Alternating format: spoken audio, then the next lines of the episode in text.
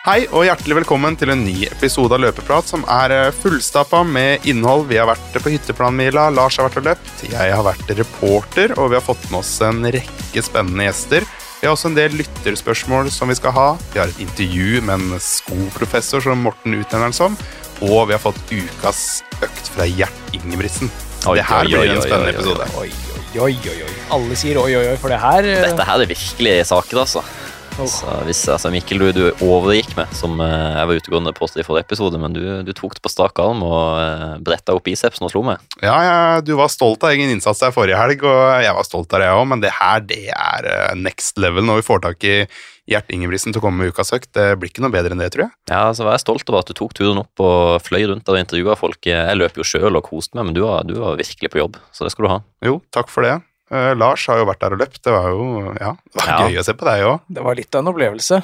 Uh, Det at du fikk tak i Gjert der, det var jo større enn opplevelsen min, tror jeg. Så det er alt jeg tenker på. Så vi får bare komme i gang. Ja, det er mitt største høydepunkt, det her. Og det blei løpt fort på hytteplanmila. Det blei det. Det var jo Du kan jo si mest om forholda, du som var der. Jeg syns jo at det blåste veldig, og jeg sa vel det i hvert eneste intervju jeg tok. Men jeg vet ikke åssen du følte at det var, jeg. Jo, det, det var jo vind. Du så jo det på den Du tok jo en video av meg når vi spilte inn et litt sånn forintervju, og jeg sto jo og skjalv bortimot. Rei, løfta beina i hytt og pine, og du, du mobba meg litt for det.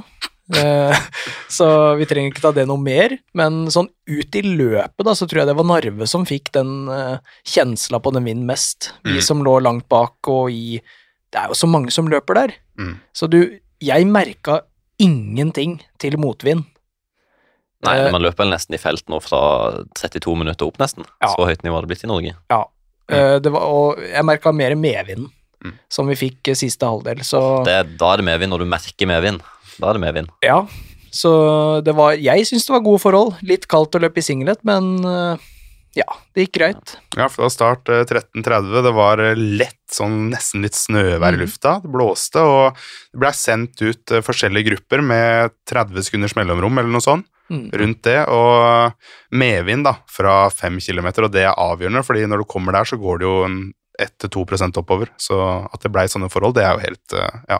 Ja, jeg, jeg, jeg har ikke løpt i den løypa før, men eh, jeg syns jeg løp mer nedover enn oppover. Yes. Det, det kan jeg si. Ja, så hvor vil du rangere hytteplan kontra de andre perseløpene du har løpt i i Norge?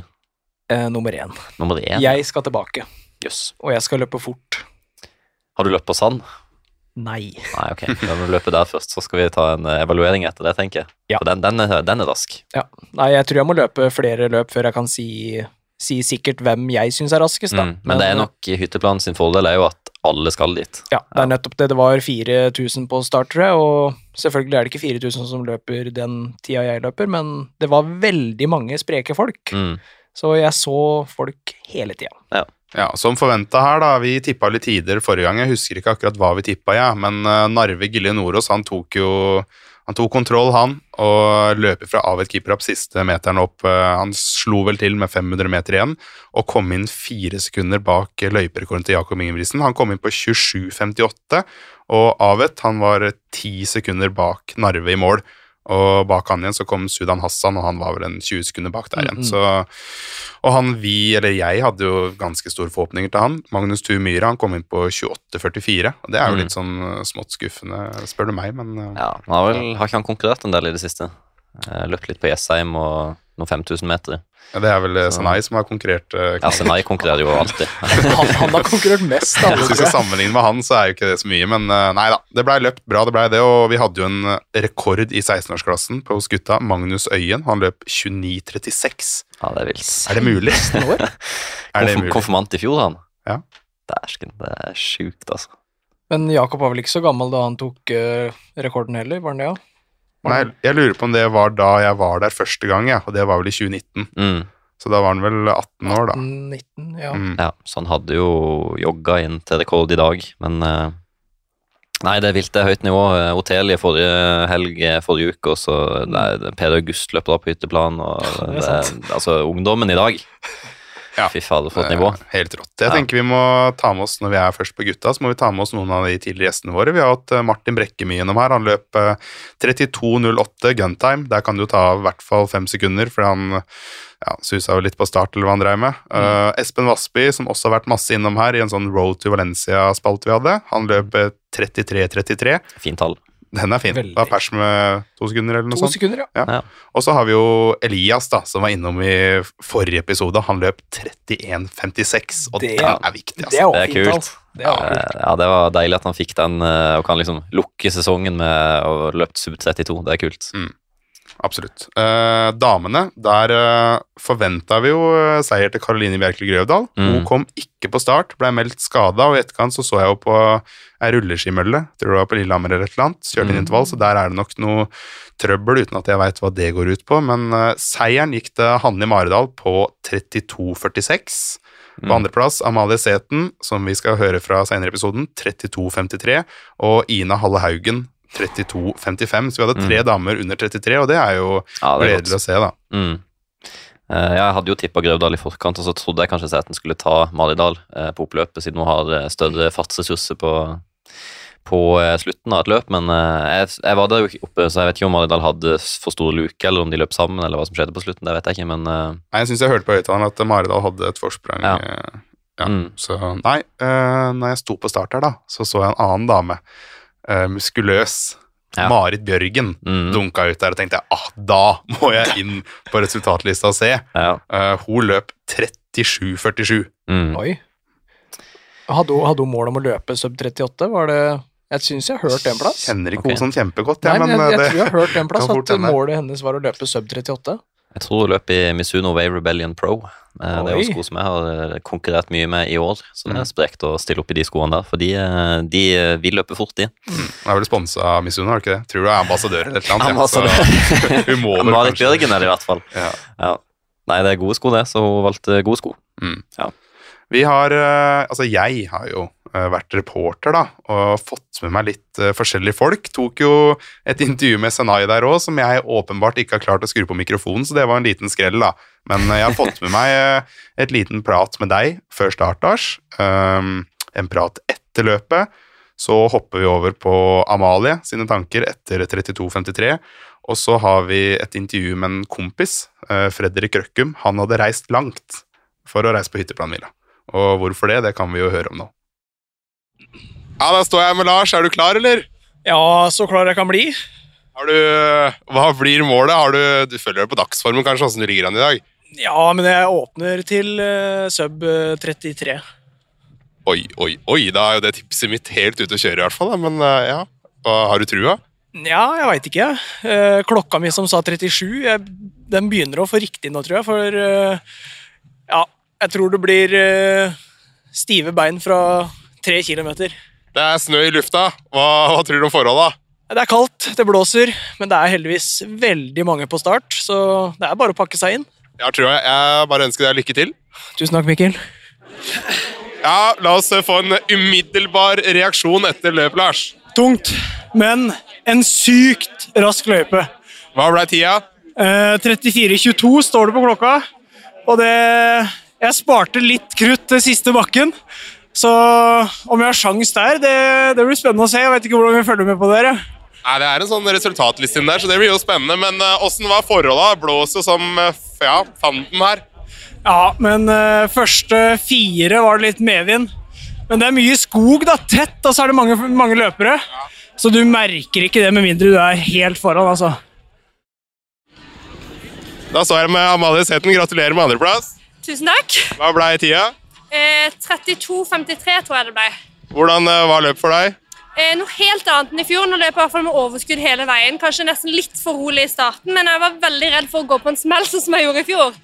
Så fokuset mitt var egentlig bare å på en måte ikke ha det for vondt. Men eh, jeg skal prøve å snu om den tankegangen neste år igjen. da. Hvordan takla du forholdet der? Blåste jo noe fryktelig. Eh, det gikk jo greit, men eh, når man starter i elite kvinner, så ble jeg på en måte løpende en del alene. da. Eh, så det hadde jo vært fordel å ligge bak med de mennene holdt jeg på å si, som løper på 33-tallet. Har du noen eh, videre mål nå i høst? Eh, nå blir det egentlig bare å få opp eh, terskelformen og bli bedre trent. Nå skal jeg på en høydesamling i starten av november. Teste ut det. Så det blir egentlig ja, det første. Da har jeg møtt på kjentfolk. Fredrik Røkken fra Flå. Første gang i løpeprat. Første gang i løpeprat. Det er en uh, stor ære. Du har løpt hytteplanmila. Åssen gikk det? Du, det blei akkurat på sekundene samme som pers, så både fornøyd og litt misfornøyd, men, uh, men det gikk nå for så vidt bra. Vil du avsløre tida her, eller? Det blei 39,28 på, på veldig lite grunnlag, så jeg sier meg fornøyd med det. Jeg er imponert, jeg, men eh, du bor i Molde, og du har til og med med deg en kompis her òg som har eh, tatt turen hit til hytteplanmila. Og for i alle dager reiser og velger dere reise land og strand for å komme dere hit? Nei, Det er jo et uh, veldig populært arrangement, uh, og som Ola her eh, setter pers med to minutter, så det er jo en grunn til at så mange tar turen nedover. Så en eh, kjempeløype. Nå har Og jeg spurte alle her da, hvordan de takla vindforholda. Hvordan syns du det var med været her i dag?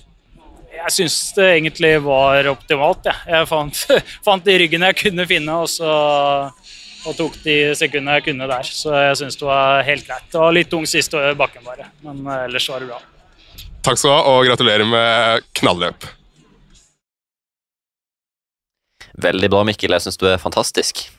Eh, Bare NRK eller TV 2 eller noen må hooke tak i deg. Det er jo trist for meg og Lars, da blir vi sittende alene, men du har en framtid som eh, utegående reporter, syns jeg. Jeg følte meg ikke veldig komfortabel der, og, men eh, det går seg sikkert til det her. Jeg tenker jo at øvinger mester, og vi er i en læringsfase her nå, så Ja. det kan bare gå oppover. Ja, du skal få terningkast. Det er vanskelig å gi noe annet enn seks, men du glemte jo Mikk på Senai der. Ja, Ja. Så vi tar, tar ned igjen på det.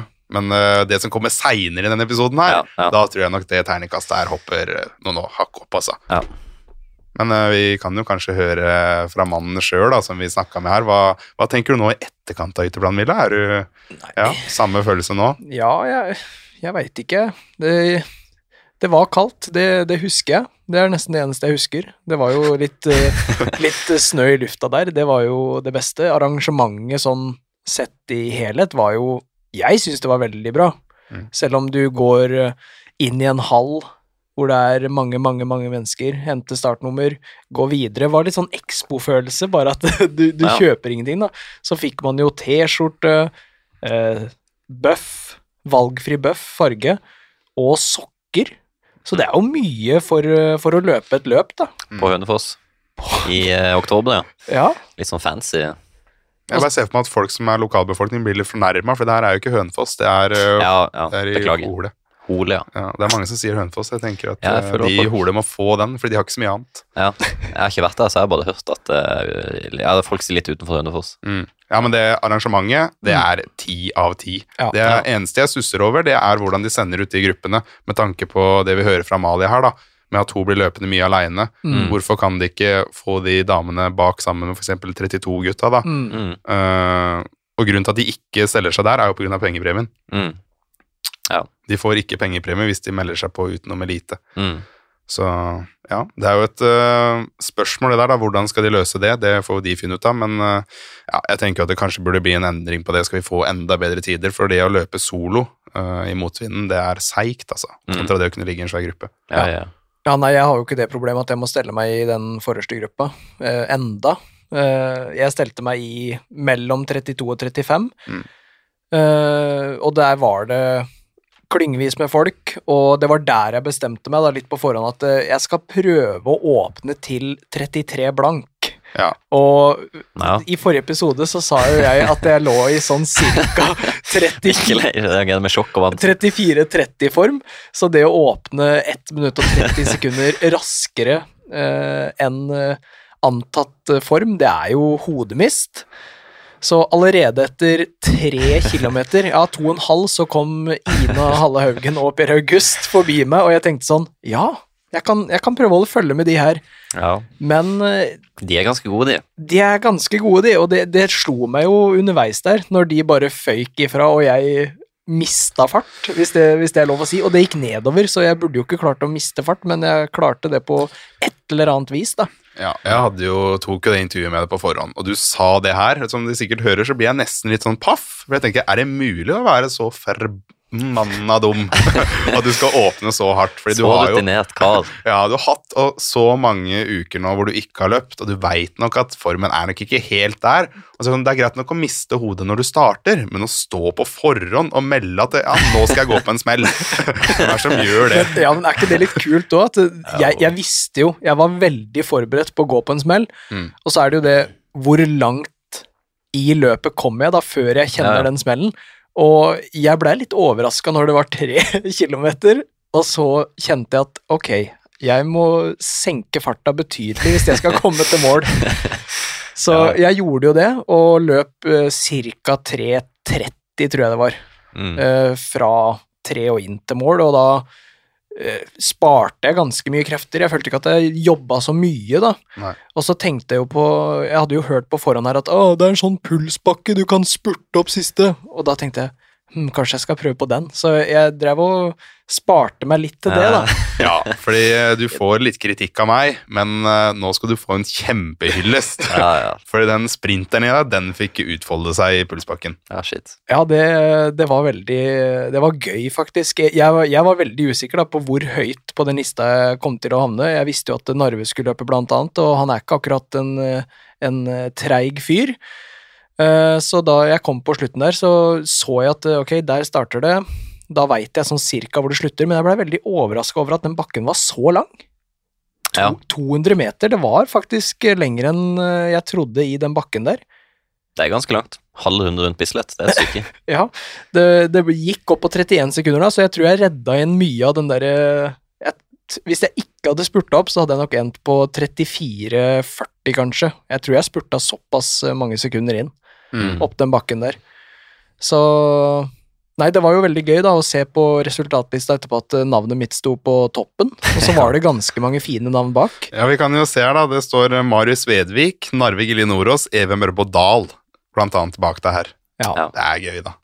Og så har vi jo en treplass som, sam- eller som alle i studioet kjenner til, da. Eh, Dina. Ansar, ja, han har jo vært eh, gjest i Hvorfor løper du? Han, eh, han er også rapp. Han har noe muskelfiber. Det, når vi har kjørt noen sjeldne ganger, så har vi noen økter hvor vi kjører litt fast på slutten, og vi skal kanskje avslutte kjapt på en 400 meter, og han har jo 20 meter på meg i løpet av to sekunder. Ja, jeg merka at han var veldig rask, fordi jeg møtte han mot slutten. Eh, Og da sa han til han ene han løp med, jeg aner ikke hvem det er Jeg tror han sa at han skulle ta den bakken her. Ja. Og da tenkte jeg sånn, ok, da trekker jeg meg litt tilbake. Så så jeg han gikk først, ja, og da var målet mitt jeg skal jakte han. nice. Så jeg tror det var mye av liksom hvorfor jeg fikk den seieren, da. Og så Du ble, brukte tredjeplassen som opptrekk, Ja, jeg egentlig sånn gjorde som i det. sykkel. Så jeg ble veldig overraska, for på den eh, tida i pulsbakken så står det 31, men på klokka mi så hadde jeg 28, så jeg vet ikke om jeg stoppa den litt tidlig. Så neste år, uh, sub 30. Det er det du skal jage Ja, sub sub 30. 30 i pulsbakken, og, ikke på 10 km. og sub 30 Ja, vi kan si sub 32. Ja. Så det er to, to store mål.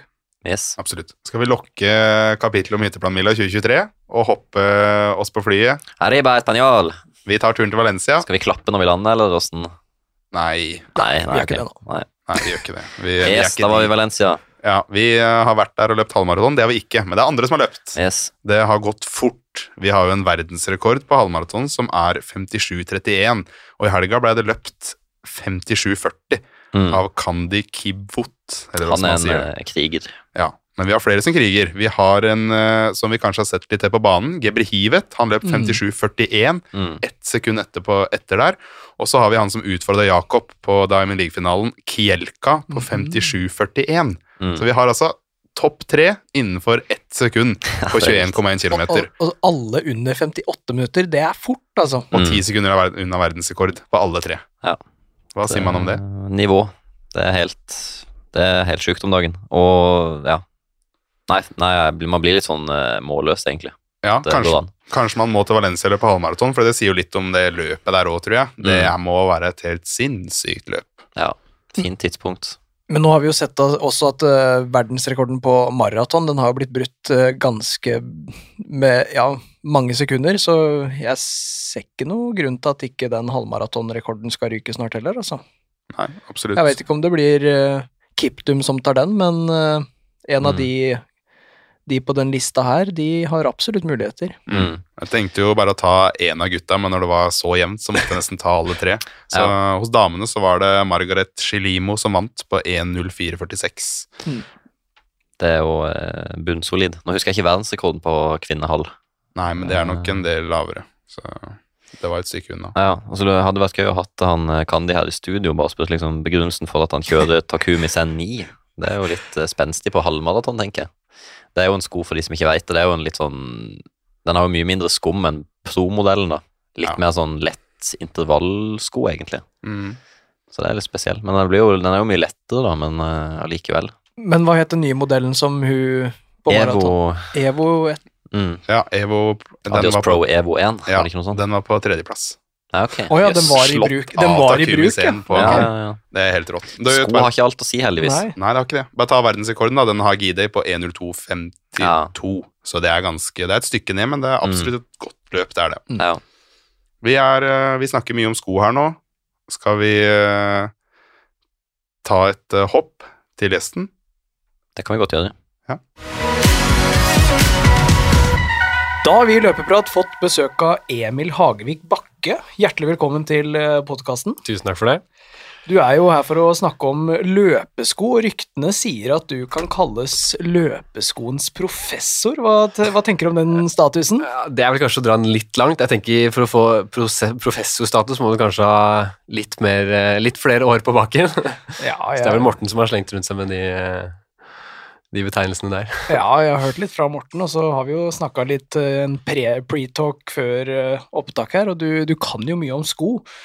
Men før vi kommer så langt, så kan ikke du fortelle litt om deg sjøl, så lytterne får en, et inntrykk av hvem du er? Ja. eh, Jeg heter Emil, er fra Trysil. Jobber med kundeservice på Løplabbet i litt ulike former. Både ved å svare på henvendelser, på mail, på, på meldinger. Eh, Men også litt med ja, kundebehandling i butikk, eh, reklamasjoner. Mye som har med sko å gjøre, rett og slett. Mm. Så, og så er jeg aktiv løper selv, i likhet med, med dere. Mm. Eh, Så jeg prøver å få løpt så mye som jeg kan, så mye som jeg tåler. Og så ellers nerde sko og jobbe litt med løpesko. Åssen, eh, eller hva er tidene dine på, hvis du kan trekke frem en tid du er veldig fornøyd med, da, på én gitt distanse? Det må nesten bli 10 km-tida. Eh, 34,42. Oi. Eh, I rygg på Morten. Det var en solid dag på Bislett. Han eh, lå på klokkejevn pace i, eh, i 25 runder nedpå der, så det var, det var en stor dag. Var det gode løpesko på beina òg, eller? Ja, litt for god, vil jeg nesten si. Jeg løper jo faktisk med Saucony Endorphin Elite på banen. Så det er et sånn lite stjernemerke bak den tida, for det, det er jo ikke en godkjent banesko. Hvis man skal være veldig pirkete. Ja ja, vi får, vi får godta det uansett. Jeg tenker du, når jeg er har på, løpt det. på det nivået, så er det greit. Men sånn, den, den skointeressen din, da, hvor, det, hvor kommer den fra? Hvorfor er du så interessert i sko? Jeg har alltid vært utstyrsnerd. Jeg har jo Mm. drevet med langrenn, med triatlon. Um, alltid syntes det er veldig gøy å nerde på utstyr. Uh, liksom optimalisere utstyret.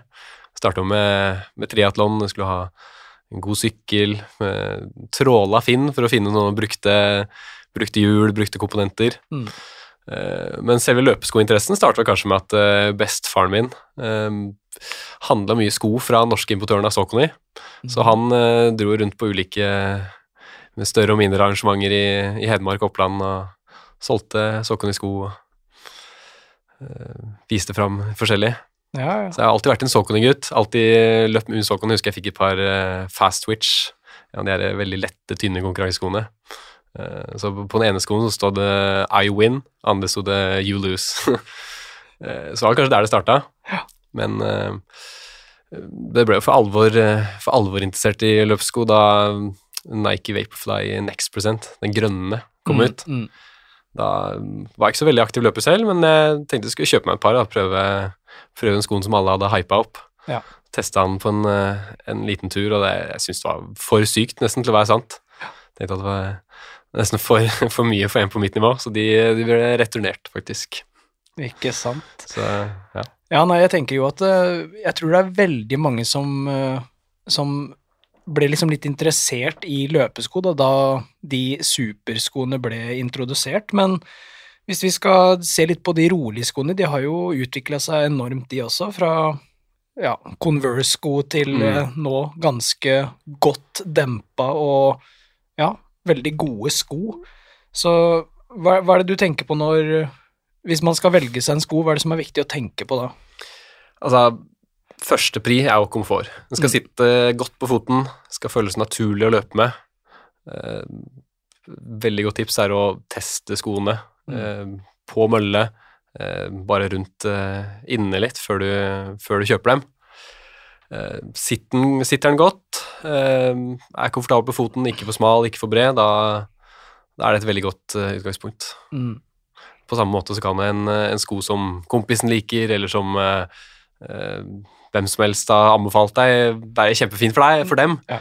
men helt krise for deg hvis, du ikke, hvis den ikke sitter godt på foten. Så passform, komfort, er veldig viktig. Ja, jeg har jeg, Det kan jeg relatere til, faktisk, for jeg har jo anbefalt noen eh, løpesko i min løpekarriere, og så får jeg stadig beskjed at eh, nei, den passa ikke helt til foten min, så det er noe, noe det med å prøve skoen, da. Mm. For alle har jo ulike form på foten, og Ja, ja. skoene er også ulike. Føtter er veldig forskjellige, og det er litt derfor eh, når jeg får spørsmål om skoanbefalinger, Mm, mm. så er det, det er veldig lett å slenge ut eh, x antall modeller som jeg liker, eller som eh, kompiser liker.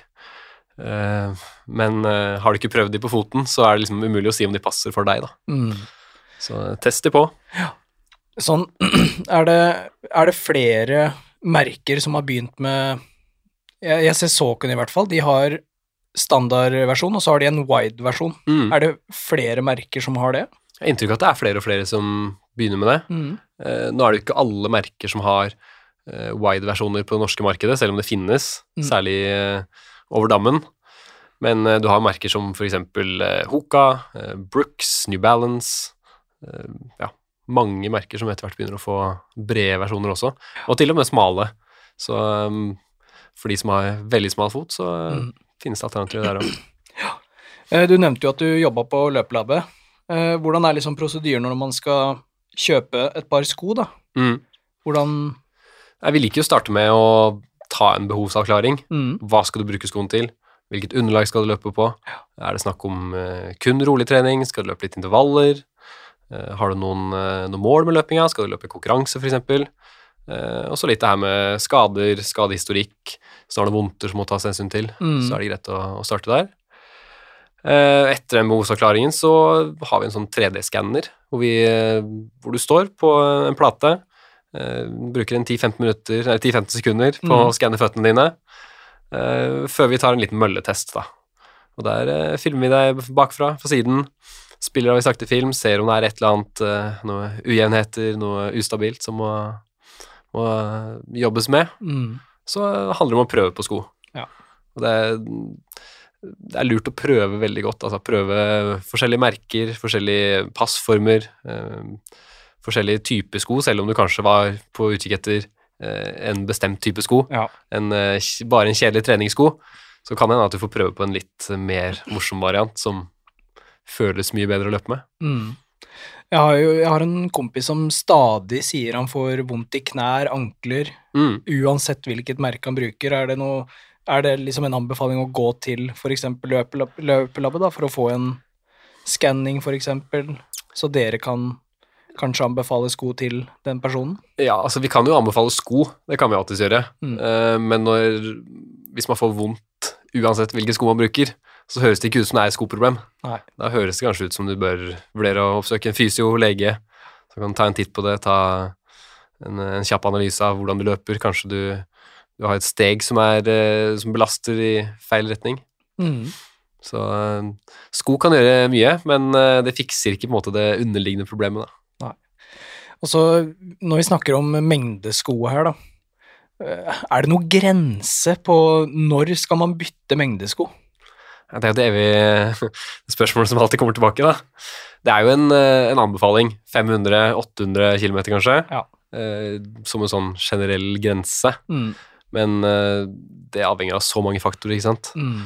Har du en, eh, en fyr på eh, 95 kilo eh, som kun løper asfalt, så vil Ja. han slite skoene sine mye fortere enn eh, ei dame på 50 kilo som, som ikke belaster skoen like mye hvert steg. Mm. Så det blir en veldig sånn generell anbefaling.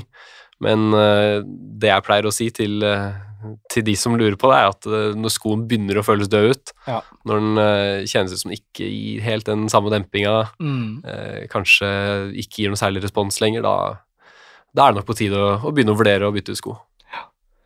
Og så har vi jo noe som heter reklamasjonsrett da, på sko. Ja, Og er, hvor, hvor ofte er det gyldig, eller hvor, når er det gyldig i, i skolivet? Nei, altså Forbrukerkjøpsloven sier to år. Ja. Ehm, men så er det litt sånn at uh, en løpesko varer jo ikke i to år hvis du bruker den x antall ganger i uka. Mm. Så eh, der også er det veldig vanskelig å gi en sånn konkret, uh, konkret anbefaling, eller være veldig, veldig sånn bastant. Men uh, når man skal vurdere om det er reklamasjonsgrunnlag eller ikke, så må man se litt på hvor langt har du løpt med skoen, Ja. hvordan er slitasjen ellers, Mm. uh, hva med skoen er det som har eh, gått i stykker. Mm. Eh, Det er jo veldig mange ulike caser, veldig mange eh, Skal vi si ikke godkjente reklamasjoner som eh, kan fremstå som ganske åpenbare da, for, de Mm. som, eh, eh, for de som vet hva som er godkjent reklamasjon, og hva som ikke er det. Så er det liksom at de ulike merkene har ulike retningslinjer for hva som skal godkjennes. Noen er veldig Noen lar veldig mye slippe gjennom nåløyet, mens andre er litt mer sånn Skal være litt større, større skader eller større eh, slitasje Mm. enn en andre. Da. Det er jo ofte sko som går opp i overdelen langs uh, eh, Ja, hva blir det? Langs kanten? Ja, akkurat der hvor uh, overdelen møter såla. Ja, ja. Er det noen eh, tips til hvordan man kan unngå at dette skjer?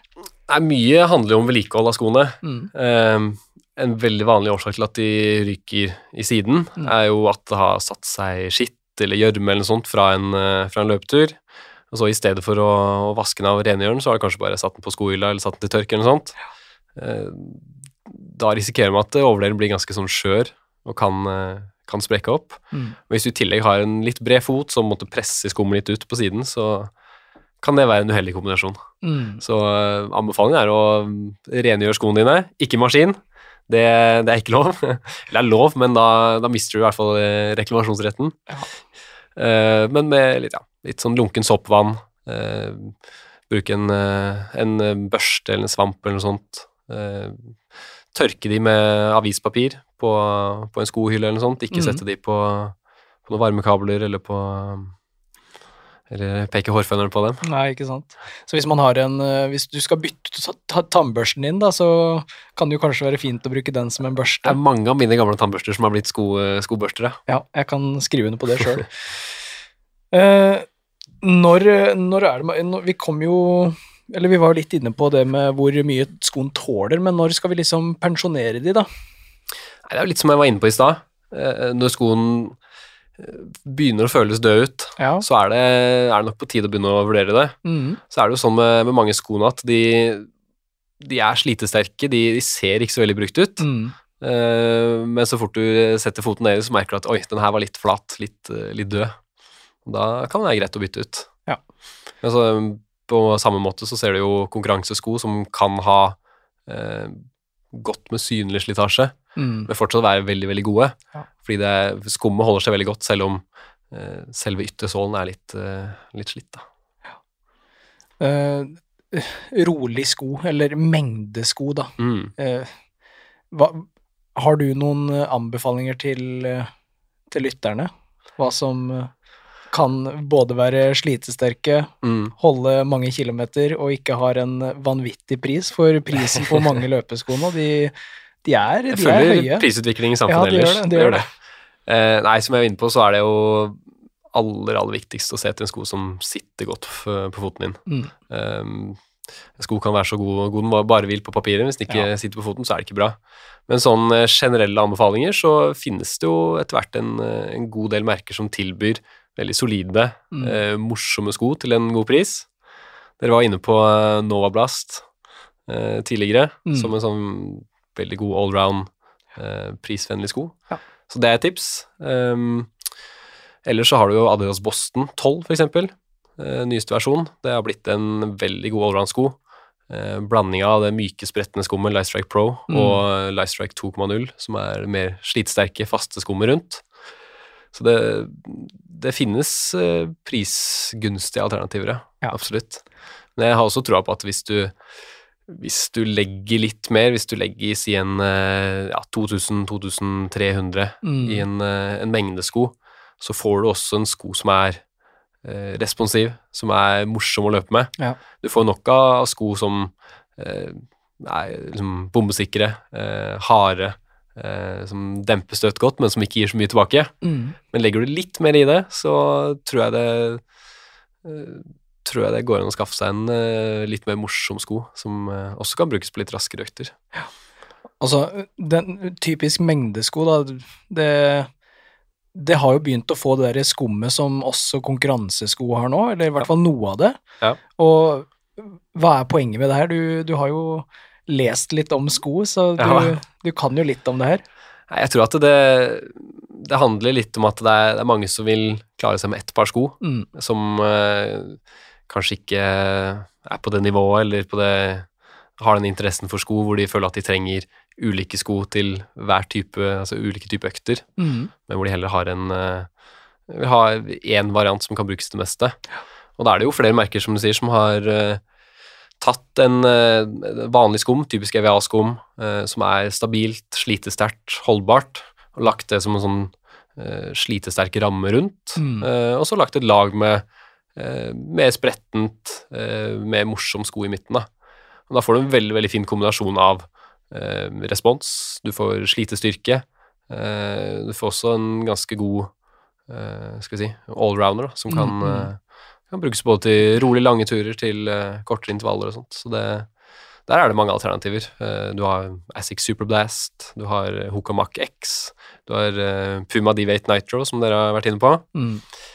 Eh, det, det begynner å bli mange alternativer i den kategorien også. Mm. Så du kan på en måte velge en vanlig mengdesko da, som kan brukes både på trening, konkurranse, hvis man selvfølgelig bare velger å gå for ett par. Absolutt. Det, jeg har hørt om, eh, om folk som har løpt konkurranse i Superblast, i Mach X eksempel, Mm. fra Hoka. Så det, det Du får mye mye i én sko nå om dagen. Det er jo, det er jo veldig interessant at eh, leverandørene velger å gjøre det på den måten, og, eh, men vekta på skoen, Mm.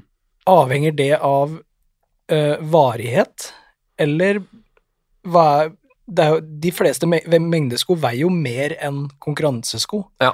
men er det fordi det er mer på de, eller er det Det varierer litt. Det er jo flere elementer i en løpsko som veier mye. mm. Du har selvfølgelig mellomsåla, eh, og særlig de, de tyngre, fastere, mer solide sålene veier selvfølgelig mer enn de lette, tynne, skjøre. Mm. Men så er det også yttersåla, da. Um, yttersåla veier eh, veier jo selvfølgelig mer jo, jo tjukkere den er, jo, jo bedre den dekker mellom såla. Så eh, det er litt sånn avveining uh, om man skal gå for en, uh, en sko som er lett, men som kanskje ikke har den slitestyrken som de tradisjonelle mengdeskoene har, eller om man skal gå for en, en, en litt mer stødig variant. Da. Så hvis vi skal oppsummere litt her, da, så er det, det er lurt å teste skoen før man, eh, Veldig lurt. før man velger Veldig, veldig lurt. eh, 100 Ja. Eh, og så er det det å Får du tips, så enten gå i butikk, Mm, bestill på nett, prøv den på foten. absolutt. Eh, og så på løpelabbet så har de mulighet til å se hvordan foten er ja, hva skal man si, kon konstruert, Ja, og for et det kan, 3D-bilde. hvordan det kan passe i en, i en sko, da. Absolutt. Men vi har fått inn noen lyttespørsmål, eh, og vi kan jo ta det fra toppen. Og det er jo mye vi har snakka om her. Mm, Blant annet hva slags sko anbefaler dere som treningssko til de på eh, budsjett? Der spørs jo litt hva du, hva du vil legge i en sko, altså hva du vil legge vekt på. Mm. Eh, Løper du kun rolige økter kanskje et par-tre ganger i uka, så tror jeg at en sånn type Adidas Boston, eh, Asics Nova Blast kan være gode alternativer. Da får du solide sko som gir deg litt respons, som gjør at det blir litt gøy å løpe. Mm. Så det, løping er hardt nok i seg selv. Og skal du ha en eh, sko som er tung og fæl, Ja. så eh, blir du ikke noe morsommere. Eh, vi har et til. Sauconic Invara Pro versus Endorphin Speed 3. Ja, det er to gode sko. Veldig gode sko. det, du har prøvd begge to, kanskje? Jeg har prøvd begge to. De dekker på en måte samme bruksområde, men de gjør det på to litt ulike måter. Uh, Endorphin Speed 3 er jo foreløpig siste versjon av uh, veldig populær Endorphin Speed-serien. Mm.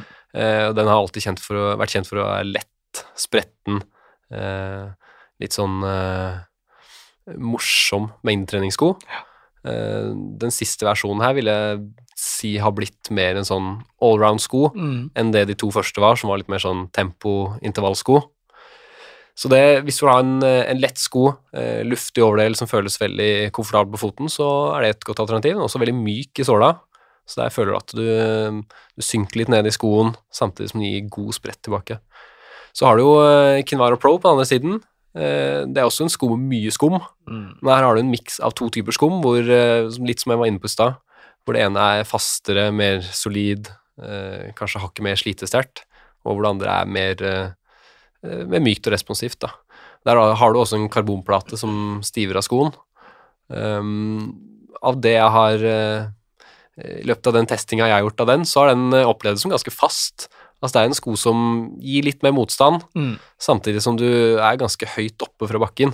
Så du, du har ikke helt samme bakkekontakt i den, vil jeg si, som eh, Endorphin Speed 3. Så eh, veldig gode sko, begge to. Test de på. Eh, hvis jeg liker, vi sier at jeg liker Endorphin Speed best, så kommer Morten og sier at han liker liker Kinvara Pro best, så det Det er lov til å være uenig. er lov til å være enig. Eh, gode mengdesko til overpronasjon. Ja. Og så er det jo sikkert eh, lyttere som ikke vet hva overpronasjon er, da, så du kan jo Ja, Ta det for å ta det veldig kjapt, så er jo overpronasjon at du har en slags innoverrotasjon i ankeleddet når du løper. Mm. Eh, hvis man ser det bakfra, kan man, så kan man se at man måtte kollapse litt innover i ankelen idet man eh, ruller gjennom steget. da. mm. Um, for en 10-15 år siden, så, eller opptil for en 10-15 år siden, så var det med overpronasjon noe som absolutt måtte justeres. Mhm. Man trodde at det, det var skadelig, og at det eh, gjorde deg mer utsatt for skade. Eh, mens i, i de senere årene så har det kommet forskning som tyder på at det ikke er så farlig eh, allikevel. Altså det er ikke, okay. noe, eh, ikke noe større skaderisiko forbundet med å pronere enn når man ikke pronerer. Så vi får en del spørsmål om det. og mm, Folk som sier 'hei, jeg pronerer, jeg må ha en sko som, Ja. som passer til det'. Mm. Eh, og da er det verdt å gå litt eh, dypere inn i det. Eh, spørre om de har noe vondter noen plager i forbindelse med pronasjon. Har du det, så bør du gå for en stabil sko. Men hvis du bare har hørt en eller annen gang i tida at du pronerer litt, at du har hatt du var innom en løpeskobutikk løpsskobutikk for 20 år siden og fikk beskjed om at du pronerte, Ja. så er ikke det nødvendigvis noe, noe som er verdt å gjøre noe med, Nei. med mindre du har vondt, da. Nei. Eh, Men selvfølgelig har du litt vondt i knærne, i anklene, leggene kanskje, som følge av at du faller innover i anklene, så er det verdt å se etter en, eh, en sko som er litt stabil. Mm. Eh, Og nå, eh, i de senere årene, så har det jo faktisk blitt mulig å få tak i sånne mer stabile sko som ikke nødvendigvis er veldig stive og veldig ubehagelige på foten, men eh, hvor du får stabilitet gjennom litt andre elementer enn den tradisjonelle kilen på innsiden av foten. Ja. Men uh, hvor det kanskje er eh, skummet som er litt uh, gjort litt bredere, altså selve yttersålen, selve plattformen du står på, som er gjort litt bredere, eller at det er strukturen i overdelen som, som støtter foten litt bedre. Så det at man pronerer, trenger ikke nødvendigvis bety at du er dømt til å bruke kjedelige sko resten av livet. Nei, ikke sant. Det det ikke. Men har du noen tips? Skotips? Eller anbefalinger? Til pronasjonssko, tenker du? Ja. Ja, det, Da kommer det helt an på hva du skal bruke det til igjen. Ja eh, du har rolige alternativer som f.eks. Eh, Brooks Adrenaline. Eh, du har eh, litt sånn eh, hybrider, man kan si det, som eh, Socony Tempus f.eks. Mm. Eh, du har eh, eh, Brooks Hyperion GTS, som er en ganske sånn lett, morsom eh, versjon, som også gir god stabilitet. Så det finnes veldig mange alternativer der. Kom innom og prøv. Kom innom og prøv. det er det beste og letteste. Ja. Uh, anbefalte sko til tunge løpere, Ja. og her er det både til asfalt og terreng. Ja. Da Det spørs jo igjen Ja, hva, hva skal du bruke skoen til? Mm. Uh, hvor mye løpeerfaring har du? Mm. Uh, jeg vet jo om folk på 95-100 kilo som løper eh, kjempepent teknisk, som er veldig stabile, ikke har noen skader, eh, og som, eh, som tåler å ha sko som er litt mer ustabile. Ja. Jeg tror at for den, for den jevne, litt tyngre løper, Mm. så er nok stabilitet et lite nøkkelord. Eh, og da tenker jeg jo først og fremst på de rolige øktene, at du har noe som føles trygt, som ikke vingler, som ikke føles som å gå på stylter, Ja. Eh, men hvor du har litt, eh, litt bakkekontakt eh, og god, god kontroll på stabiliteten, samtidig som du skal ha god demping, f.eks. Mm. Så en, en veldig populær sko for, for tyngre løpere er jo New Balance in More, f.eks. Ja. Her har du en, et skum som tar imot støtet veldig godt, som også har bred yttersåle, som også finnes i flere bredder. Så der er det også gjerne en, en sammenheng. Er du, er du tyngre, har du gjerne litt større, bredere føtter. Så det å, det å ha god nok plass i skoen, og samtidig godt med demping på en bred plattform, tror jeg ikke er så dumt. Det er jo veldig masse gode tips. Ja. Så kan vi jo snakke litt om terreng også. Ja. Det er jo ikke 100 mitt, eh, mitt fagfelt, men eh, jeg har jo solgt noen terrengsko opp igjennom også. Mm. Og der gjelder litt det samme. Føle at du har god kontakt med underlaget. Der er jo det enda viktigere enn i eh, en typisk eh, asfaltsko. Mm. Eh, Nå er det jo mange som eh, refererer til eh, terreng, altså, som snakker om eh, grus som terreng, eller sånn lett, eh, lette, plane skogsbilveier. Mm. Når jeg tenker terreng, så tenker jeg mer tekniske stier, opp og ned, eh, steiner og røtter. Ja. Og da er jo det å ha god kontakt eh, med underlaget, god kontroll på hvor du setter ned foten, Ja. veldig Om ikke veldig viktig, så i hvert fall eh, en del viktigere om du løper på, kun på asfalten, da. Kanskje ikke for høye sko heller, for da er det vel kanskje litt ekkelt hvis man tråkker over. Ja, og da er vi jo litt uh, tilbake til det her med hvor god erfaring du har. Ja. Uh, nå har det jo også kommet uh, supersko for terrenget. Altså du har for eksempel Northface som har kommet med sko, du har Saucony har en, en modell som heter Endorphin Edge. Mm. New Balance har en veldig morsom terrengracer. Eh, så det, det handler om å prøve de. Eh, kanskje tørre å gå litt utenfor komfortsonen Ja. eh, med, å, med å velge en sko som, som gir deg litt respons, selv om det er snakk om terrenget. Og selvfølgelig være, være litt bevisst på hva slags terreng du skal løpe i. Mm. Skal du kun løpe opp og ned, fram og tilbake, sleipt underlag, så velger du ikke de høyeste, mest ustabile skoene. Det, med mindre du liker å gamble med, med livet. Nei, det er noe der. Jeg tar ikke den sjansen. Eller anklene. Eller anklene, for det, det kan gjøre veldig vondt å tråkke over med høye sko. Absolutt. Uh, hva er viktigst, da? Karbonplate eller skum? Åh, det er en uh, evig diskusjon, det òg. Ja. da de karbonskoene kom, så trodde man at det var plata. Karbon, ikke sant. Du ser det i, i eh, racingbiler, i skistaver, alt mulig. Karbon er bra. Karbon er uh, stivt og sprettent. Ja. Uh, men der har det også blitt gjort mange forsøk hvor man har uh, ja, testa løpsøkonomien i, i sko som har et på en måte dødt, fast skum, men karbonplate, Ja. og sko som kun har skum og ingen plate, eller en type nylonplastplate. Mm. Og svaret er at det er skummet, rett og slett. Skummet gir deg den dempingen eh, og komforten, og samtidig den eh, responsen, da. Ja. Mens eh, selve plata fungerer nok mer som litt sånn stabiliserende element, Mm. strammer opp skoen litt. Du kan se for deg en Primex, eksempel, 50 mm uten, uten noen form for stabiliserende element. Mm. Det hadde blitt ustabilt. Ja. Så jeg vil si at skummet spiller en stor rolle, mens det er nok kombinasjonen av skum, Mm. plate og eh, avrundingen i forfoten, forfotsrockeren, som, eh, som gjør at vi har fått veldig responsive, morsomme sko. Ikke sant. Eh, beste sko for rolig og lange turer? Ja. Det er kanskje igjen vanskelig å svare på. Kom og test, Ja. men har du noen anbefalinger? Nei, rolig og langt, da tenker jeg demping med en gang.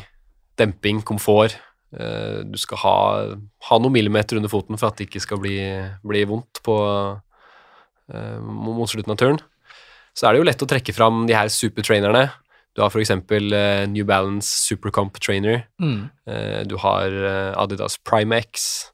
Du har eh, ja, Nike Zoomex eh, Invincible Run, eksempel. Mm. Sånne godt dempa, eh, skånsomme sko. Det er nok eh, beste anbefalingen der. Og så helt sånn avslutningsvis her, så lurer vi på hva er din favorittsko? Ja, det må jo si at det er eh, første versjon Alphafly, Nike Airzoom Alphafly Next Percent. Det har fortsatt til gode å prøve på en eh, like morsom, like spretten, like unik sko. Ja. Det å ha den kombinasjonen med Zoom X-skum, karbonplate, to uh, Airzoom pods i forfoten, Mm. Helt, eh, helt unikt. Veldig unik sko. Enig. Så den Det, eh, det rører hjertet mitt å høre det. Ja. Altså, jeg, det er mange jo, som er veldig glad i den. jeg ser jo at Mikkel sitter og klør seg i fingra her. Han, eh, han har hørt på i, i lang, lang tid. Så sitter du inne med noe, noe du lurer på, Mikkel, før vi runder av? Ja, nå kommer det. Nei, nå har jeg sittet og kosa meg og hørt på, jeg, og Du er en liten løpesko der, du òg. ja, veldig. Og du som meg har jo sikkert sinnssykt med sko, men eh, hvis du skulle lage deg en skopark hvor du måtte velge tre sko, og gjerne da si hva de er til, da, de tre. Ja, det, det blir ikke lett. Nei, det er det jeg ser for meg, så jeg er litt spent på hva du velger. har du mange valg? Det er en- del valg, ja. Jeg tok en kjapp opptelling eh, her om dagen, og vi begynner å nærme oss 70 par i, i hylla. Dobbelt av meg, det er sjukt. Det er mye. Det er veldig mye. Men jeg er jo veldig glad i myke sko. Myke, komfortable, ja. spretne sko. Eh, så hvis jeg skulle starte med en eh, såkalt daily trainer, eh, mengdesko eh, om du vil, så ville jeg rett og slett gått for en eh, Asics Superblast. Det, der har du kjempegod kombo av fast, eh, relativt slitesterkt skum nærmest bakken. Du har superskummet til, eh, til Asics, det letteste, mest sprettende, som en slags skal vi si, som en slags sandwich inni, inni der. Mm. Eh, og så har du en god avrunding i forfoten, som gjør at du, at du får kilometeren litt billigere. Da. Så eh, det hadde nok kanskje vært mengdeskoen. Eh, så er jeg glad, veldig glad i New Balance som en sånn treningssko. Eh, og da eh, den modellen som heter Rebel. Eh, Rebel versjon 2 var veldig, veldig god. Den var mange som likte. Den har kommet i versjon 3 nå, som er mye av det samme. En relativt tynn, myk, fleksibel sko som også funker, eh, funker veldig godt som sånn daily trainer. Så hvis jeg kunne variert mellom de to, og så lagt på en Alphafly på toppen, da tror jeg vi begynner å nærme oss. Men tre sko, det er jo umulig å klare seg med tre sko. Ja, nei, jeg, Spør du meg, da. ja, jeg er jo for så vidt enig, men eh, det var bare litt interessant å høre her, så det er bare å notere seg tipset her. Men det siste du nevner her nå, Alphafly, vi har jo ikke Mm. vært så mye inne på supersko. Det er det jo en grunn til, for vi skal jo spare det temaet, vi, for du skal innom igjen. og Jeg kommer tilbake og snakker om supersko, vet du. Ja, men Det blir ikke før etter jul, for det kommer jo mye spennende. Har du lyst til å avsløre noen generelt noen modeller som kommer? Én modell, kanskje? Ja, nå er det jo spørs litt hva jeg har lov til å avsløre. Ja. Eh, Jeg skal ikke gå, gå altfor detaljert eh, inn i hva som kommer fra de ulike merkene. Men vi har jo annet en Adidas-sko som dere har vært inne på før, Mm. som, eh, som det nylig ble satt verdensrekord med. Mm. Det, den kommer på det norske markedet også, forhåpentligvis med en litt, eh, Rimeligere pris. litt rimeligere prislapp enn 5500. Ja, det var litt mye, syns jeg. Ja, det er mye. Men nå er det etter hvert sånn at det, du får veldig gode konkurransesko fra de aller, aller fleste merker. Ja. Du har ikke den monopolsituasjonen uh, som vi hadde for en eh, tre-fire år siden, der Nike var uh, soleklart best. Mm. Nå er vi så heldige at vi kan finne gode supersko til alle føtter og alle, alle typer løpere. Så det, det kommer mye, mye morsomt fremover, så det er bare å glede seg. Det blir spennende. Jeg er fornøyd, jeg, Lars. Har du noe mer du vil skyte inn? Nei, jeg er ganske fornøyd sjøl. Det her var jo Jeg syns vi kan eh, Kanskje ikke Vi kan ikke døpe deg her, men eh, jeg tror vi kan gi deg tittelen løpeskoprofessor, altså, for det du har, du har kontroll. Liker å tro det, i hvert fall. Jeg koser meg. Ja. Tusen hjertelig takk for at du kom. Takk for at jeg fikk komme. Tusen takk.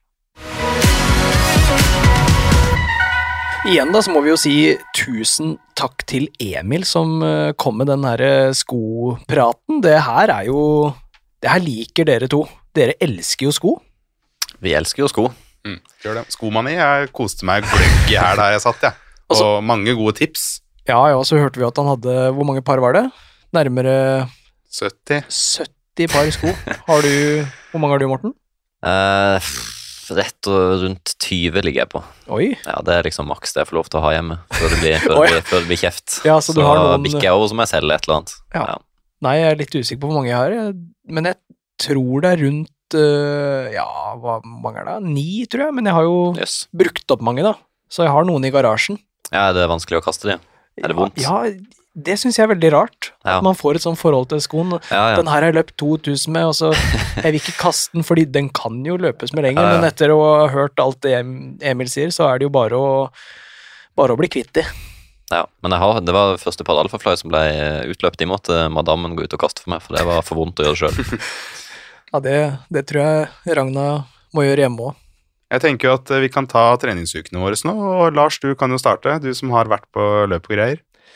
Jeg kan starte. Da starter vi jo på mandag eh, 16. oktober, da. Eh, Da løper jeg 12 km rolig, og på tirsdag så ble det 10 ganger 1000. Eh, Planen der var å løpe 3.30 eller under. Jeg sa til Espen som jeg løp med her, at eh, løper jeg over 3.32, så knyter jeg meg skoa og går hjem. Eh, og når jeg skriver her at det blei 10 ganger tusen, da, så betyr jo det at jeg klarte det. Jeg Snitta vel eh, 3.27. Og de fem Mm. første var de tyngste, og det Ja. er jo ikke vanlig. Men det er ofte bra, det. Det er ofte litt sånn tungstarta damplokomotiv, og så flyter det bare på, og så føler jeg meg best på siste dag. Men da, jeg da treffer jeg, liksom. Eh, på onsdagen så ble det 10 kilometer rolig. Uh, så på torsdag løper jeg en 6 kilometer rolig. Eh, det var litt for å trappe ned egentlig mot hytteplan. Mm. Prøver å ta litt tips fra Mikkel her, for han blir jo så sur hvis jeg har masse mengde inn mot løp, så for å yte best, så må vi prøve å ha fresh legs. Og så var det hytteplan, da, som gikk på 34,22, og det har jeg jo ut, utdypt ganske godt tidligere i episoden her, så trenger ikke gå i mer detalj her. Eh, På søndag så løper jeg eh, 20 km. En ja, langtur. Veldig god kropp, gode bein. Så jeg tror jeg fikk blåst ut ganske greit på det løpet, altså. Så det var uka mi. Endte på 80 km med én Mye- hviledag. Ja, mye kvalitet, Ja, egentlig. ja, ti ganger 1000 og Sånn prosentvis. det er jo. Ja da, det er jo Mm. det. Og snittfarta blir jo ganske, ganske høy. Yes, min uke. eh, 16. oktober, da ble den 11 km cirka, ganske rolig. Eh, på tirsdag, dobbel terskel. Først fem ganger seks minutter på 3,40 på samtlige, egentlig. Ett minutt pause på mølla. Eh, første på mølle eh, var følelsen at det var ganske kjedelig, egentlig. Men det er liksom stødig å gjøre det på mølla. Det er greit rett inn, rett ut, ferdig. Eh, På ettermiddagen 10 ganger 1092 meter, eh, for å være helt nøyaktig. Det høres jo veldig spasa ut, men eh, det er liksom det man får når man løper to runder på Bislett. To fulle runder. Og det gjorde jeg jo med Ansar, da, og hadde et snitt på 3,25 ca. Onsdagen 10,7 km rolig i 5,08 pace og en styrkeøkt på kvelden.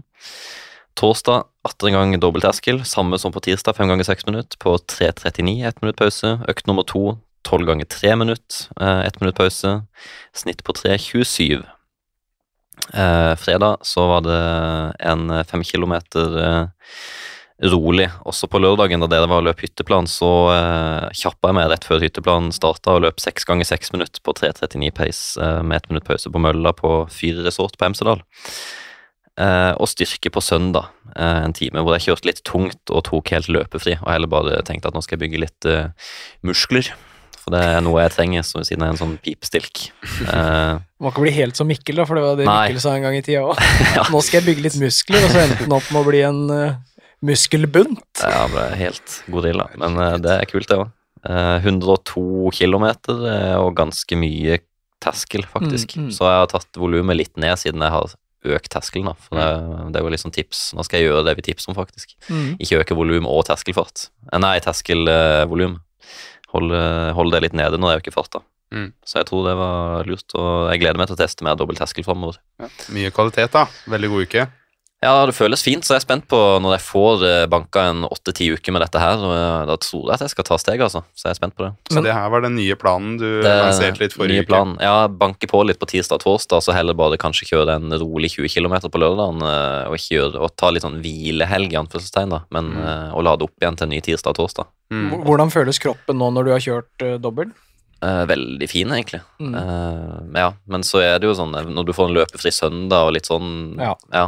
Det er litt deilig å ha en intensiv periode og så en rolig, faktisk. Og la kroppen absorbere den gode kvaliteten. Så jeg har litt troa på det her, altså. Kjører du første økt mer kontrollert enn andre økt? Ja, definitivt. Det er liksom, jeg har vært frista til å skru opp uh, volumet på de siste to-tre dagene, men Ja, så har jeg liksom bare Nei, jeg skal holde igjen. Skal kjøre samme fart på samme uh, på alle dag. Ha litt is i magen.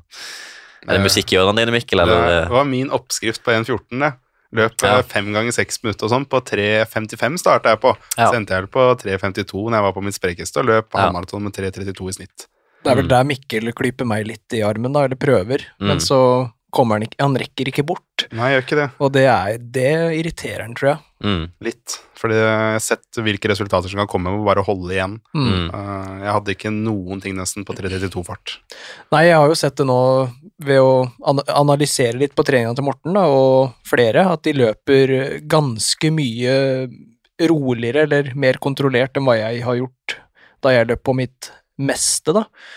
Og dere har jo løpt raskere enn meg på nesten alle distanser, så jeg tror det å holde igjen på trening har veldig mye å si, men jeg er eh, Ja, hva skal man si?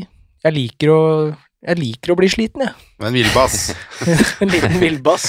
Ja, men jeg uh, trener stort sett ganske kontrollert, og selvfølgelig av og til så kjører jeg en litt sånn hvor jeg- som jeg hadde i går, som jeg skal nevne i neste episode, hvor, Ja. jeg, hvor jeg har litt fart, bare for å krydre litt med, men Mm. uh, ikke gjør det for ofte heller, for da tror jeg man løper Da legger man igjen noen konkurranse på trening, tror jeg. Ikke Ja. sant? Ja, det er sikkert det jeg har gjort uh, på mange av mine økter. Det kan være. Ja. Tror det. Ja, Vi kan hoppe over til min treningsuke. da. Jeg hadde en total på 51 km. Tar den først, ja. Ja, nå er du i gang, Mikkel. Velkommen i klubben. Blitt hadde en løper. Og fem timer og to minutter, så det er jo litt mer enn eh, 51 om jeg løp flatt, da. Men jeg hadde tre turer på 8-10 km. Den ene hadde jeg med en del høydemeter.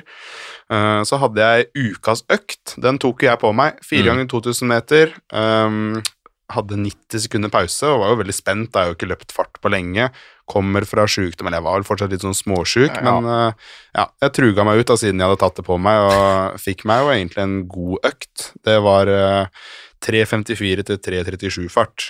Eh, så det gikk egentlig veldig bra, og det var da den andre kvalitetsøkta den dagen, for jeg hadde en AMRAP, altså en sånn type crossfit-økt på morgenen, Mm. og så kjørte jeg den 4 ganger 2000 som andre økt den dagen, da. Og på søndagen så var det en eh, rolig langtur, veldig rolig, 1 time og 37 minutter og 469 høydemeter. Ja, det er ikke pent.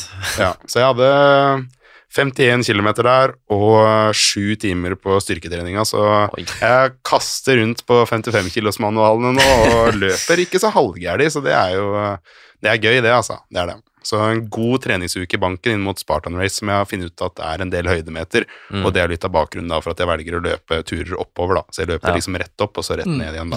Og så har du jo sagt at du hadde jo knust Olaf Tufte og hele kongeriket Norge på den eh, NIH-testen hvor du kjører benkpress først.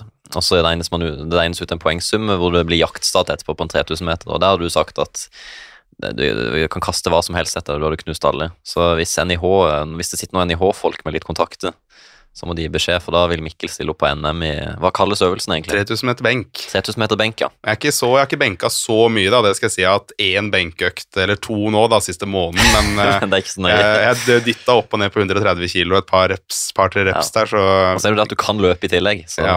Så hvis jeg løper en 9,45 på 3000, da, med 145, kan vi si, da, en dårlig dag i Mm. benkpress, ja. så må jeg jo komme et stykke opp. Jeg kan ikke skjønne annet, så vær så snill, kontakt meg når det er eh, 3000 meter benk på NIH. Ja, da stille stiller jeg som reporter og uh, filmmaker og alt mulig. Kjør på. på tape. Kjør på.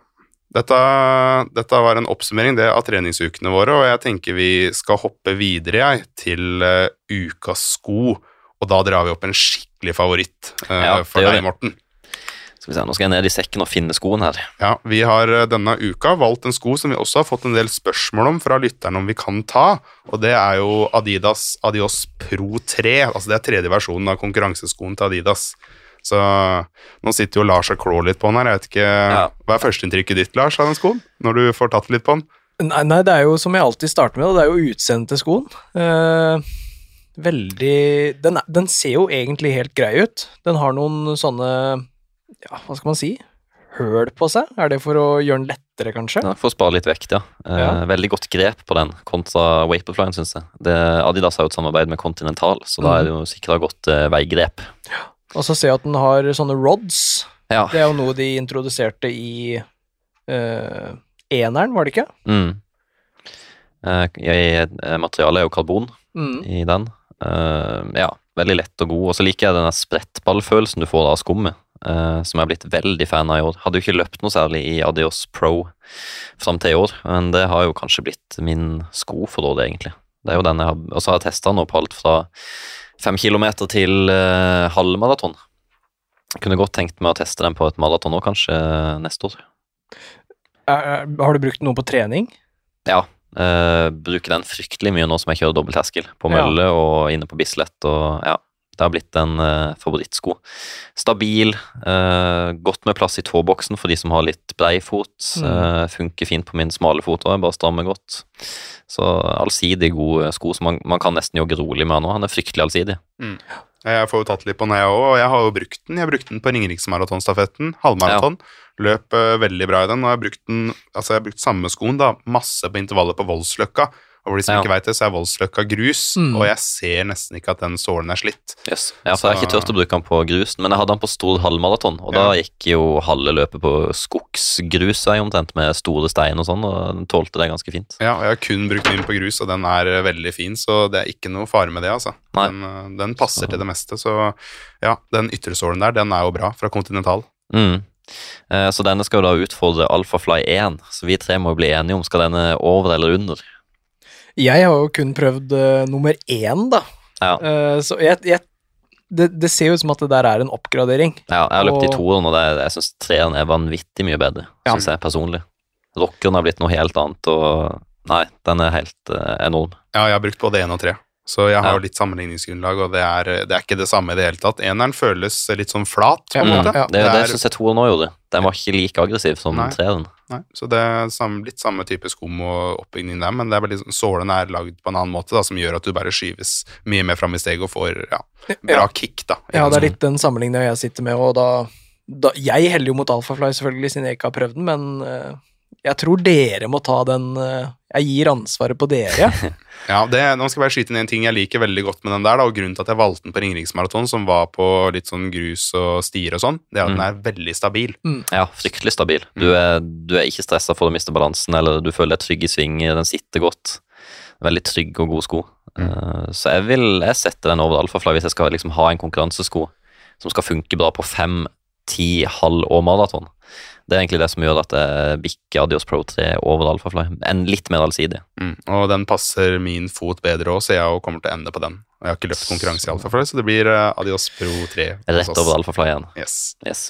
Vi hopper over til lytterspørsmål. Eh, vi lanserte en sånn liten konkurranse på Instagram, og vi skulle tippe tida til Lars. Det må vi først på ta her, da. Og det er jo veldig imponerende. Vi hadde Fredrik Røkkum, som vi hadde i episoden her i stad òg, det er jo litt gøy. Han tippa 34-22. Og hva blei fasiten, Lars? Nei, det blei jo 34-22, da. Det er sjukt. Det er helt vilt. Er det mulig? Jeg husker ikke hva jeg tippa nøyaktig, men jeg var på 33,50 et eller annet, tror jeg. Så jeg var litt unna. Men hadde du åpna litt mer fornuftig? Det kan hende at jeg hadde endt på sub 34 med en litt mer fornuftig åpning. Det tror jeg fort du kunne gjort. Det tror jeg. Ja. Ja. Det å åpne i 3.15, eller hva det var, det, det var litt tøft. Ja. Mm. Uh, vi har fått inn lyttespørsmål denne uka her, og vi har Altså, vi får inn veldig mye, så vi må liksom velge og vrake litt, og så prøver jeg å ta de som vi har fått fra før, prøver jeg å ta i seinere episoder. Mm. Men uh, første spørsmålet her, det handler om skader og beinhinnebetennelse. Her er det en som har løpt uh, 5 km på Furumomila på 20 minutter, så det er jo veldig bra nivå, Mm. men han har mye vondt i beina, og han vil ha tips fra oss på hvordan han kan forebygge løpeskader. Ja. Eh, det mudra jo litt. Jeg sleit jo litt med beinhinnebetennelse i desember, eh, og tok noen uker off løping. Mm. Eh, jeg tok en uke off, og så tok jeg en jogg igjen og testa, og så var det vondt igjen, så gikk jeg inn og tok to uker. Og så i mellomtida så kjørte jeg ellipse og eh, tåhev, eh, både på treningssenter med tunge vekter og tåhev bare 50 stykk på morgenen mens jeg pusset tennene, og så samme på kvelden. Bare som Mm. på automatikk. Jeg sto bare og vippa tåhevet mens jeg pussa tennene, og det ble sånn automatikk i det. Uh, og to, ja, ta litt tid off-løping, styrke opp. Uh, for du, jeg tenker jo sånn Oi, nå er det beinbetennelse, hvorfor får jeg det? Mm. Så da må du gjøre noen tiltak og noen endringer for at ikke det skal skje igjen. Det er jo en sånn fin filosofi å ha uansett. Når det skjer ting, så må du tenke hvorfor. Hva gjør jeg for at det ikke skal skje igjen, og hva skal jeg gjøre for å forebygge? Ja, nei, jeg liker den oppsummeringa der. Og en beinhinnebetennelse er jo en slags overbelastning, så det å ta, Ja. det, ta det rolig noen uker, og så kjøre Mm. forebyggende med tåhev og Jeg tror det er Mm. noe man kan teste ut, da. Ja, la, for du har jo en betennelse, så du, må, du er nødt til å la den roe seg, og Mm. så styrke opp, rett og slett. Mm. Ja, Noen snakker litt om styrketrening, og jeg tenker vi kan jo sveive så vidt innom sko òg. variere sko, Mm. Mm. absolutt. Og så kanskje vi kan ha en sko som passer deg et. Variere mykhet, variere type sko. Dropp, for eksempel. Dropp Det er veldig, veldig mye forskjellig man kan gjøre der, da, så nei. Og har du vondt, ta noen dager av og se om det blir bedre. Kjør tåhev. Eh, neste spørsmål uh, er om vi har noen erfaring med standardøkter før konkurranse. Og da, men det man mener med standardøkter da, er om vi har liksom en sånn go to-økt som vi alltid har før en konkurranse. Mm. Har dere det? Jeg kjører gjerne halv økt, uh, men ikke noe særlig ned på farta. Men at hvis jeg kanskje har vanligvis 10 ganger 1000, så tar jeg kanskje seks stykk. Eller hvis jeg har seks 6 ganger 1500, så tar jeg fire maks. Mm. Men kjøreøkta er ganske vanlig, bare for å slippe de siste tre-fire kilometerne. Og så et par eh, rolige dager. Kanskje tre-fire rolige dager hvis jeg skal løpe halv eller maraton, men skal jeg løpe fem eller ti kilometer, så liker jeg å ha litt den spenninga i musklene. Og ta tre dager før en siste terskeløkt, men kutte 30-50% av økta. Mm. Det har funka best for min del, da. Ja, jeg òg kjører halve. Eh, Min sånn standardøkt er tre ganger to kilometer. Og så kjører jeg på rolige turer, så kutter jeg ned Hvis jeg vanligvis løper ti kilometer, så kan jeg løpe seks, sju, og så gradvis trappe ned, da. Ja. Mm. Men hvis jeg skulle løpt 3000 eller 5000, så ville jeg kjørt maks 10-400 meter. Ja. Bare for å få litt fart, kanskje. Og da ville jeg kanskje gjort det fire dager før. For da skal du jo banke musklene litt òg. Det koster litt muskulært å løpe fort på 400 meter. Så det ville jeg gjort litt annerledes igjen enn hvis jeg skulle løpt 10 og halv. Mm. Og ja, maraton så kjører jeg jo tre ganger 2000. Nå har dere snakka mye om hva dere gjør uh, den samme uka, men det jeg har en sånn go to-økt før halvmaraton, da, som er min standardøkt, det er eh, 16 km on-off. Ja. Det er min, eh, som er og min favorittøkt, da. Det er eh, min go to-økt, den kjører jeg tolv dager, tror jeg det er, før halvmaraton. Og det er liksom min siste storøkt, og inn da, siste helga, så pleier jeg å kjøre fem ganger 1000. Mm. Og det er da vi da på nest siste uka, da. Da kjører jeg det en uke før løpet. Ja. Eller nei, ni dager, tror jeg. Ja, mellom en ni til sju dager, da. Før løpet kjører jeg fem ganger 1000, litt raskere. Ikke all out, men jeg drar på ganske bra, da. Mm. Så ja, det er mine standardøkter, i hvert fall. Go to-økt, rett og slett. Mm. Um, vi har ett lyttespørsmål til, og det er litt sånn Det er jo vanskelig å svare på når man ikke veit akkurat hva personen gjør, da. Men han vil ha noen økter han bør gjennomføre tre, før 3000 meter. Målet til jul det er 10.30 og sub 10 til våren. Så vi kan jo ta det han må gjøre nå for å nå 10.30 først, da. Han er egentlig syklist, så det blir en del sykkeløkter. Så kanskje vi skal ta utgangspunkt i at mengden her er ganske bra, og så kan vi peile oss inn på kvalitetsøkter. Mm. Fordi jeg hadde Jeg starta på studiet mitt, da. Da var det to syklister, og vi skulle løpe en sånn Cooper-test. Og de hadde jo en vanvittig kapasitet Ja. på løpinga.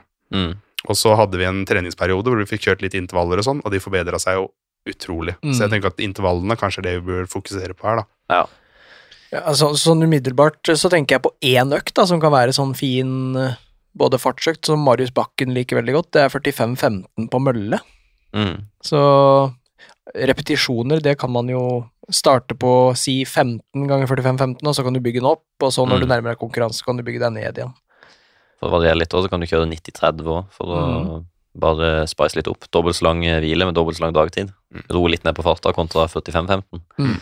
Og sånn som jeg nevnte på forrige spørsmål, en 10 ganger 400 Mm. i 3000 meter fart. Eh, Da får du jo 4 kilometer, men det er mye pause imellom, og ja, får kjent litt på farta. Ganske billig òg, på en måte. Jeg tenker det å kunne løpe litt drag på kanskje den farta du ønsker, Mm. at det kanskje kan være relevant for å få øvd på det mekaniske. Om du ikke Ja. gjør det første uka, prøv å bygge deg opp til det. Så du Mm. for eksempel kan løpe en 1000 meter, burde du kunne klare å løpe Ja. på trening i den farta du har lyst til å løpe på. Ja. Sånn egentlig. Ja. Så prøv å bygge seg opp til det, og så får man jo mye på konkurransedagen, da. Mm. Ja, jeg kjørte jo mye før den, det testløpet mitt, da, på 5000, så kjørte jeg 20 ganger 200 meter. Og da lå jeg så nær eh, 15.50 da, eh, på pace som mulig, og følte at jeg fikk mye igjen for det etter tre-fire uker. Mm. Ja. Man blir god på det man trener på, så det å trene litt på den farta tror jeg er gull. Man blir det. En eh, fyr som har eh, samme tankegang på at man blir god på det man trener på, det er eh, han som skal stå for ukas økt denne uka her. Og Ja. for å bare slippe det løs, vi har fått med oss Gjert Ingebrigtsen til å presentere ukas økt. Jeg var jo reporter på Ytterplanvilla. Han hadde et intervju med NRK og TV 2, og jeg kasta meg fram og spurte om jeg kunne få ukas økt. Så vi kan vel bare spille av klippet, kan vi ikke det? Da står jeg med Gjert Ingebrigtsen, og vi har en spalte vi kaller Ukas økt. Har du et eh, økttips du kunne gitt lytterne?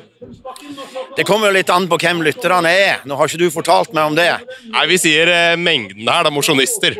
Mosjonister, ukas økt for mosjonister, det vil eh, alltid si en kombinasjon av en eh, Si en kombinasjon av 1000 meter og 400 meter, en økt vi bruker veldig, veldig mye.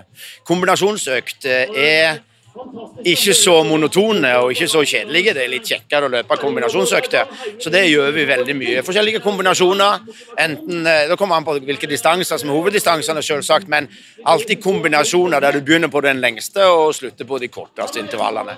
Men ikke mer enn tre kombinasjoner i samme økt. Og det, det bruker vi veldig veldig ofte. Kombinasjonsøkter. For det gir Utøveren har en følelse av at, eh, at eh, økta går mye Eh, det er ikke så kjedelig. Eh, en kjekk og spennende eh, økt, og og de opplever at økten blir veldig fort ferdig. Har du noen sånn cirka pause på 1000 meter og 400 meter? En normal pause på 1000 meter vil være 60 sekunder, og en normal pause på 400 meter vil være 30 sekunder. Tusen hjertelig takk. Takk, takk. Ja, det er kult. Det er de tre store som står i intervjusonene etter store løp. Det er NRK, det er TV 2 og det er løpeprat. Ja, jeg sto der jo med Askeladden-genseren min, jeg så jo sikkert kjempesmart ut, og å, herregud, jeg var fornøyd når jeg fikk det intervjuet Ja, det er kult. Men uh, kanskje vi skal snakke litt om økta? Ja, han sa jo en kombinasjonsøkt. 1000 meter og 400 meter. Hva, Han var ikke mer spesifikk enn det. Han ga oss ikke noen repetisjoner, så her kan vi jo kanskje kombinere litt sjøl, da. Ja, jeg tenker også at det er nok litt ut ifra hvilken distanse du løper mot òg, sikkert. At Mm. man kan tilpasse litt. Men det er deilig at eh, man får litt brudd i økta, på en måte. At oi, nå skjer det noe nytt, det er nye stimuli. Det er litt Mm. kult. Så vi har jo, vi har jo kommet fram til at vi skal Ukas økt denne gangen blir fem ganger 1000 meter Mm. pluss ti ganger 400 meter. Ja. Og hva tenker vi om pausen her da, gutter? Ja, Det blir vel som han sa det. Han sa 30 sekunder på 400-meterne og 60 sekunder på 1000-meterne. Og så Mm. tenker jeg at du kan jo sjøl velge da, hvis du har lyst til å ha en seriepause imellom der. Ja, det går jo eventuelt an, Så er ikke det det står på, liksom. Nei. Men ja, ta ett til to minutter mellom der, bare Mm. for å gjøre seg klar. Ja, Så er det jo hvem som skal gjennomføre den, da, og det blir vel meg nå, da. Det er du som skal hoppe i det og kjøre hjerteøkta, rett og slett. Eller kanskje alle sammen skal gjøre det, siden det er Gjert som sier det. Alle vil jo gjøre det Alle Gjert sier. gjøre det Gjert sier. Ja, jeg tenker at alle som har gjort den økta, tagg oss eh, i et eller annet Ja, på ja. eller noe sånt, hvis Skriv, dere eh, gjennomfører ukas økt denne uka her. Ja, hjerteøkta er gjennomført, og så tagger dere løpeprat, så deler vi på kontoen. Det, det hadde vært kult å sett hvor mange som faktisk gjør det. Eller tagg oss på Strava òg, for den saks skyld. Mm. Nå er vi inne på sosiale medier. Send oss meldinger øh, om spørsmål dere vil ha i episodene, Mm, tips til ukas sko. Ja, det òg. Vi eh, får vel nesten runda her, da, og så blir det spennende å se åssen treninga går i neste uke. Ja, jeg skal jo løpe 10 000 meter baneløp, så det blir jo interessant. I uh, oktober. Det er Ja, kult. slutten av oktober. Så da håper vi dere likte episoden. Jeg syns det ble eh, bra krydder atter en gang. Og så uh, i neste episode så gleder jeg meg til å høre åssen du følte hjerteøkta gikk. Og så, som sagt, send inn tips til Løpeprat på Instagram.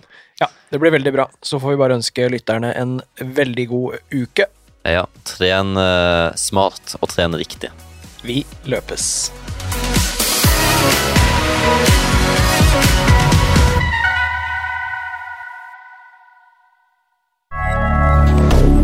Moderne media.